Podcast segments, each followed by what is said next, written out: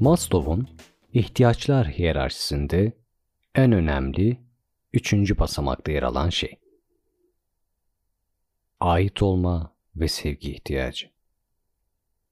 İnsanın temelde en çok ihtiyaç duyduğu şeylerden biri de elbette barınma, yeme içmeden sonra sevgi ihtiyacı. İnsanoğlu belirli bir düzeyde yaşamsal faaliyetlerini gerçekleştirdikten sonra tam da buna ihtiyaç duymaya başlar. Ve hiç kimse sevginin önemsizliğine ilişkin bir düşünce taşımaz. Ve aynı zamanda birçok kişi onun açlığını çekmekte. Mutlu ve mutsuz, aşk öyküleri anlatan bir dolu film, yüz binlerce şarkı, hikayeler, yazılar yazılmakta. Kısaca adına yazdığımız, çizdiğimiz, dinlediğimiz, okuduğumuz aslında hayatın her aşamasında büyük bir gereklilik olduğunu düşündüğümüz ve onsuz yapamadığımız bir şey. Sevgi. Evet. Çünkü dediğimiz gibi sevgi insanlığın daima ilgi alanında olup üzerine destanlar, şiirler, filmler, müzikler ve hatta hatta üzerine canlar verilmiş bir kavram. Uğruna savaşlar çıkarılmış. Kimi için ulaşılınca mutlu olunacak bir hedef, kimi için yokluğunda acı çekilmiş, kimi içinse bir umut. Hatta kara sevda diye bile adını verdiğimiz, bir türlü sonu olmayan o sevginin peşinde koşma durumu.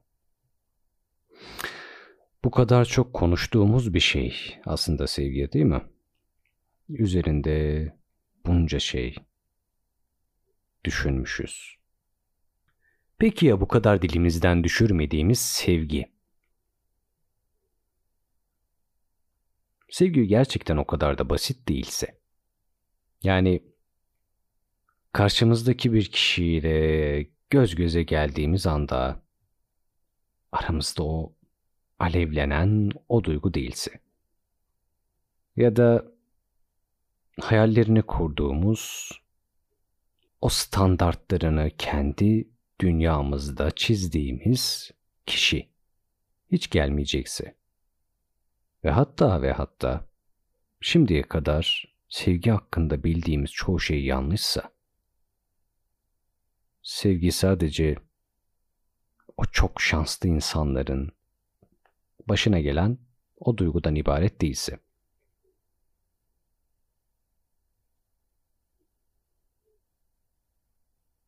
Ve biraz daha ileriye gidiyorum.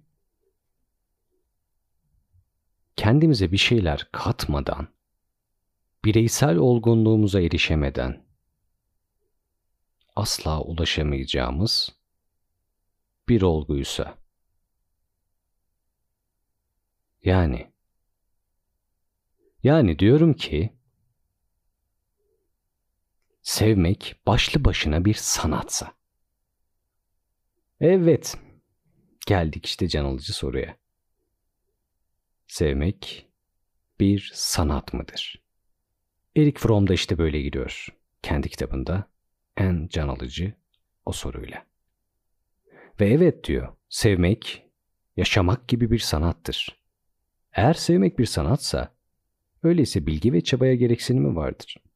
Yani tıpkı diğer sanatlardaki gibi sevgiyi de öğrenmemiz, onu öğrenmek için çaba harcamamız ve disiplinle çalışmamız gerekir.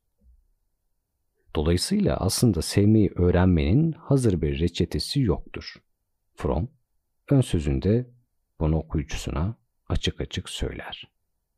Bu kitabı okuyarak sevme sanatına ilişkin hazır bilgiler edinmek isteyenler düş kırıklığına uğrayacaklardır. Tam tersine bu kitap belli bir olgunluk üzerine erişmeden kişinin sevgiye ulaşamayacağını göstermeyi amaçlamaktadır.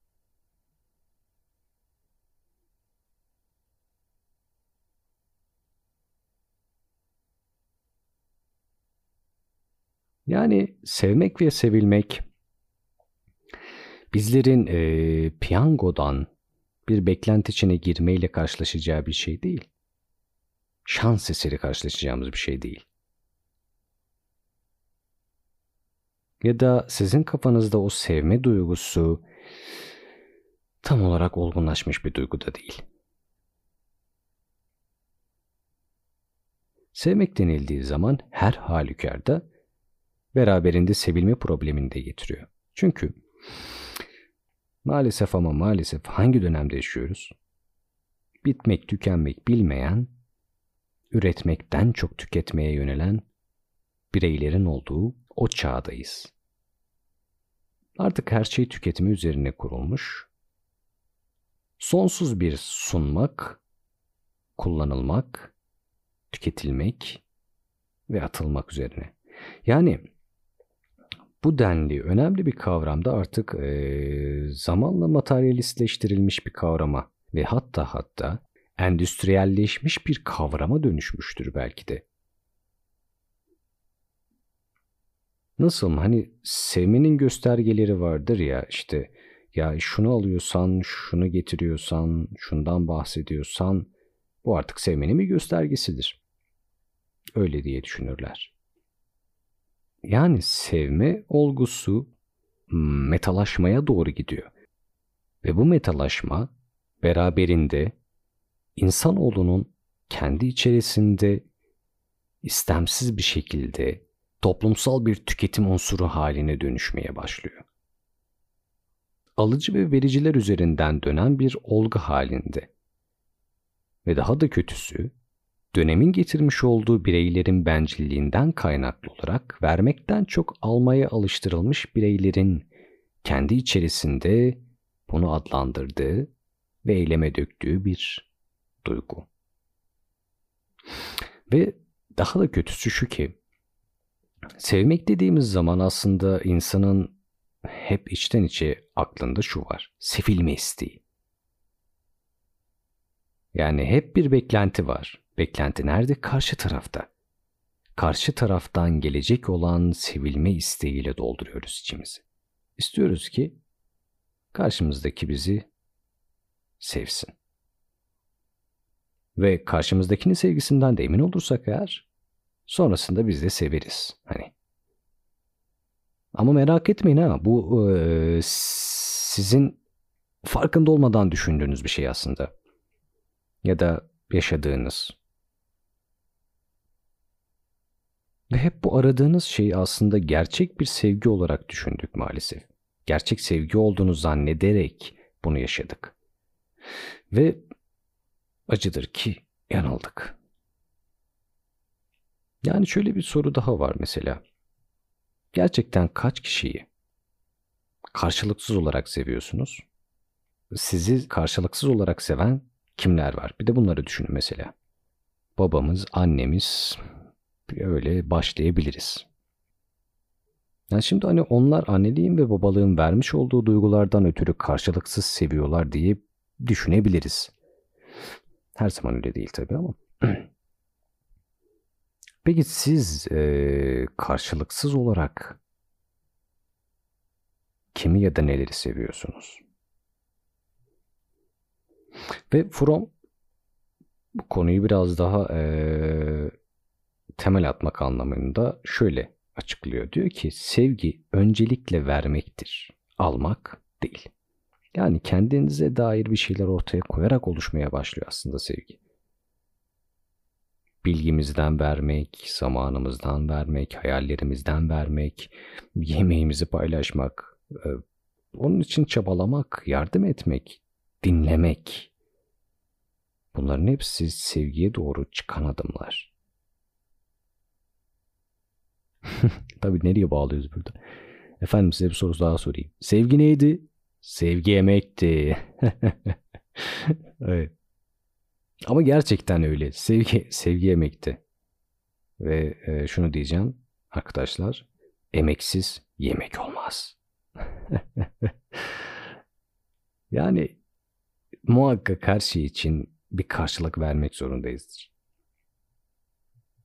Ama sevgi konusunda işler biraz daha değişiyor. Çünkü beklenti içerisinde sevgiyi yaşama duygularımız ağır basıyor. Beklenti içindeki sevgi sevgi midir yani? Salt olarak bu söylediğimiz tutum bu kavramı karşılar mı? Bir şartı mı vardır, ön koşulu mu vardır sevmenin? sevme eylemi en çok içerisinde sevilme ihtiyacını barındırıyor. Şimdi hepimizin sevilmeye ihtiyacı varsa e kim birbirini seviyor? Hani dedik ya hep karşı taraftan bekliyoruz. Ya o bir sevsin de ben de severim.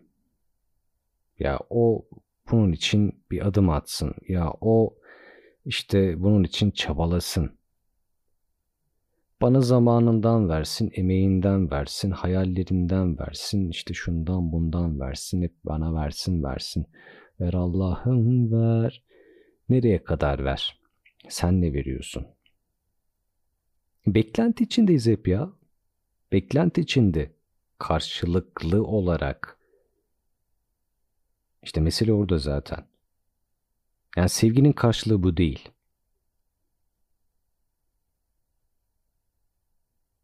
Ve yine topluma döneceğim. Hani tüketim toplumu dedik ya. E, sevgi de bunun içerisinde yok olmaya yüz tutmuş bir duygu olmaya devam ediyor. Sadece adı var, içi boşaltılıyor. Her neyse. Sevgi hakkında onlarca, yüzlerce, binlerce kitap da yazılmıştır eminim. İşte ya da e, gönderiler oluşturuluyor değil mi bir yerlerde? Bunlarla alakalı. İşte ne oluyor başlıkları? Yedi adımda aşkı bulmak. İşte beş hamlede kendinize aşık edin. Sıktığınız bu kokuyla onu baştan çıkaracaksınız. Şey pardon bu burada değildi. Hep bir tarif var değil mi böyle? Yani şöyle yaparak şunu elde edebilirsiniz, başını döndürebilirsiniz. Allah'ın size aşkından eriyip bitecek, ölecek. Ama en kötüsü ne biliyor musunuz? Ee, bu konuda hep bir arayış içindeyiz aslında. Hep bir arayışımız var. Yani hepimizin bu konuda bir isteği var. Hepimiz istiyoruz ki sevelim, sevilelim. Bunun için bir şeyler arıyoruz. Ya kitap arıyoruz, kitaptan medet umuyoruz ya. Kimi zaman ya hanginiz açıkça söylüyorum sevgiyle alakalı biri bir şey anlattığında kulak kabartmıyor. Kendi aşkından ya da yaşadıklarından bahsettiği zaman kimse yani kim bunu dinlememezlik ediyor. Ya da bununla alakalı bir şey karşısına çıktığı zaman bunu okumadan geçiyor. Hiçbirimiz bence. Ama insanlar istiyor ki tüm bunların içerisinde aradığımı bulayım. Umut verici o hikayeler. Örnek bir reçete. Sevgiyi bulacak. Sevgiyi bulmaya götüren o cevap.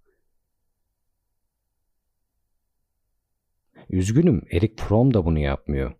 Hatta Erik Fromm şöyle bir şey yapıyor. Diyor ki bunlardan zaten uzak durun. Böyle bir şey yok. Dedik ya, nasıl ki yaşamak bir sanatsa, sevgi de bir sanattır. Sanat mıdır diye sordu zaten kendisi. Peki Fromm bu duruma nerelere kadar inerek cevaplar bulmaya çalışıyor? Mesela diyor ki birey anne rahmine düştüğü andan başlayarak ne oluyor? Doğal bir birliktelik süreci içinde dünyaya geliyor ve bunu devam ettirme eğiliminde. Yani ayrı kalmak, dışlanmak, ait olmamak her zaman birey için bir huzursuzluk sebebi değil mi? Ama insanlar bu ihtiyaçlarla, e, bu ihtiyaçta sırf yalnız hissetmemek için sevginin öğrenilmediği bencilce birliktelikler kurma eğer kurarsa bu ilişkiler iki insanın yalnızlıktan kaçıp sıkınacağı bir limana dönüşüyor maalesef ki. Ve tam da hani bu boşluğu doldurmak üzerine kurulan evlilikte ki e, evliliklerdeki bu iki kişi dünyaya karşı bir tür ortaklık kuruyorlar. Ve bu iki kişilik bencillik sevgi diye adlandırılıyor. Ve daha beterleri de var tabii. İşte e, çiftler arasında sevgi ya da ilgi olmadan başkaları tarafından uygun görülerek kurulmuş olanlar. Kısa zaman içinde çocukların e, ebeveyni olma sıfatıyla bunu devam ettirme çabası. Ama tabii içinde sevgi, tahammül, paylaşım yok. Bunlar nasıl yansıyor? İşte topluma içi boşaltılmış, aile. Sevgiden yoksun çocuklar. Çünkü zaten anne babasında eksik olan bu duygudan bir haber, annesi babası zaten bir haber, e çocuk da bundan bir haber ve bunların hepsi toplumda yaşıyor. Düşünsenize ne kadar korkunç. Sevgi görmemiş insanlar. Bencil. Cahil. Cahillikten kastım bu açıdanki cahillik. Yani gördüğü zaman biri bir sevgi, bir merhamet, bir ilgi gösterdiği zaman bunları çok farklı şekillerde yorumlayabiliyorlar. Çünkü görmemiş ya da bilmiyor ya da deneyimlememiş, anlam veremiyor. Anlam dünyasında o beyindeki e, algı dünyası bu konularda tamamen yabancı kapatmış orayı. Sonra toplumda ne oluyor? Birbirinden beter, sevgisiz, merhametsiz, aile kuracak potansiyelde güvensiz bağlanan, ilişkilerde sürekli zor olan insanlar. E tabi şimdi bunu e, çiftler arasında da değerlendirmeyelim. Çünkü sevgi kavramı sadece bundan ibaret değil. Yani çok genel, çok büyük bir kavram. Yine mesela Fromm ne diyor? Beş tür sevgi var diyor. Anne ile baba sevgisi diyor. Kardeşlik sevgisi diyor. Kendini sevme diyor. Cinsel sevgi diyor. Ve Tanrı sevgisi. E anne babanın mesela bu sevgisi ne, ne dedik az önce söyledim. Koşulsuz sevginin bireyin gelecekte kuracağı ilişkiler için ne kadar önemli olduğu ve kalitesini ortaya koyduğunu söyledik ve eksiklik olduğu zaman maalesef bireylerde çeşitli nevrozlar oluşturacak. Ve hatta e, size bir bir de bilgi Fromm da bundan çok çekmiştir ailesi açısından. Kendisinde de bir tür nevroz oluşturmuştur. Neyse. Kardeş sevgisinin ise herkesin eşit olduğu düşüncesine dayanarak mesela akrabası olmayan, kendi kanından olmayan yani birini kardeş gibi sevmek yani dost kavramı diyelim yabancı birini hani eşitlik düşüncesiyle zaten öyle başlamaz mıyız? Yani e, sevgi kavramı ilk olarak hani kendi ailemizde gördüklerimizin dışında yani kendi yakınlarımıza olan sevgiyi vermenin dışında bir de hiç tanımadığımız yabancı bir bireye sevgi vermemiz. Ve zor olan da budur aslında. Çünkü hani tanımıyorsun, bilmiyorsun. Senin için bir amaca hizmet etmiyor. Ama vermenin zorluğu ne? Adı üstünde. Ne dedik? Sevgiyi vermek zaten zor. Ama şurada e, altını da çizelim. Şimdi hep sevginin alınması gerektiği, ilgi görülmesi, e, sevilmek zannedildiği bir ortamdan bahsettik ya.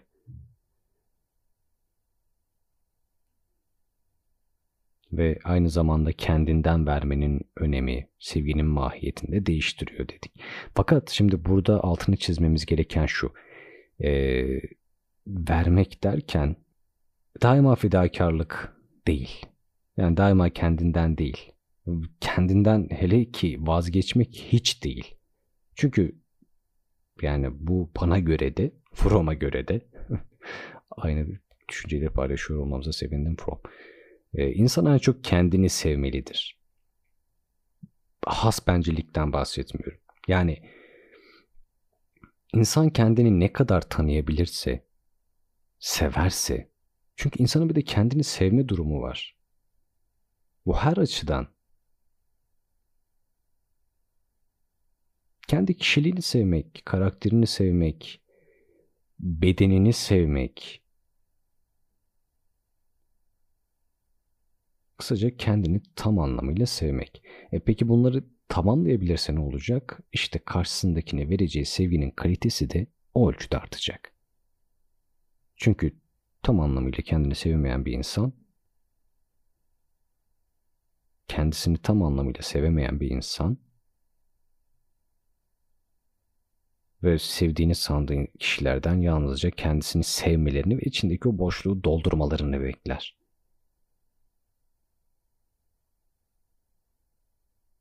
Ve Fromm yine ne diyor? Birini gerçekten seviyorsak, tüm insanları, dünyayı, yaşamı seviyoruzdur. Birine seni seviyorum diyebiliyorsak, şunları da söyleyebilmeliyiz. Sen de insanları seviyorum. Dünyayı, kendimi seviyorum. Ve her şey bir insanı sevmekle başlar. Bir insanı sevmek, doğayı sevmek, yaşamı sevmek, her şeyi iyisiyle kötüsüyle, yaşanan tüm deneyimleriyle kabul etmek, kendini olduğu gibi görüp onu sahiplenebilmek ve sevmek. Bu yüzden hadi önce kendinizden başlayın. Kendinizi severek. Hepimizin artıları ve eksileri var. Bu halde kendimizi kabul etmek ve karşımızdakileri kabul etmek. Kendimiz de yalnız kalabilmeyi başarabilmek. Bu sayede yalnızlığın ne olduğunu anlayabilmek. Ve mantığa aykırı gelse de yalnız kalma becerisi sevme becerisinin ön koşuludur diyor yine. Dediğimiz gibi, daha doğrusu Fromm'un da dediği gibi, herkesin bir başına yaşaması gereken bir olgu olduğunu söylüyoruz. Kısaca bu yolculukta maalesef her sanatta olduğu gibi biriciklik var. Ve işin en başında disiplin gerekiyor ve sabır. Bu sanatı öğrenmek istiyorsanız hemen yola çıkmanız gerekiyor. Yorulmadan, pes etmeden sevgiyi anlamak ve bunun için çabalamak gerekiyor. Ve unutmayın, önce sizin olgunlaşmanız lazım. Olgunlaşmazsanız eğer, olgunlaşmamış bir sevgi ne der? Seni seviyorum çünkü sana gereksiniyorum. Olgunlaşmış sevgi ise sana gereksiniyorum çünkü seni seviyorum. Bu da benden gelsin. Sevmek eğer bir sanatsa, günümüzde sanatkarları gittikçe tükenmek üzere. Haydi. Şimdi yeni bir sanat öğrenme zamanı. Beni dinleyen herkes sanatı da seviyor. Biliyorum. Göz kırptım ama görmediniz. İçsel Öykürüşler Bölüm 7 Burada biter.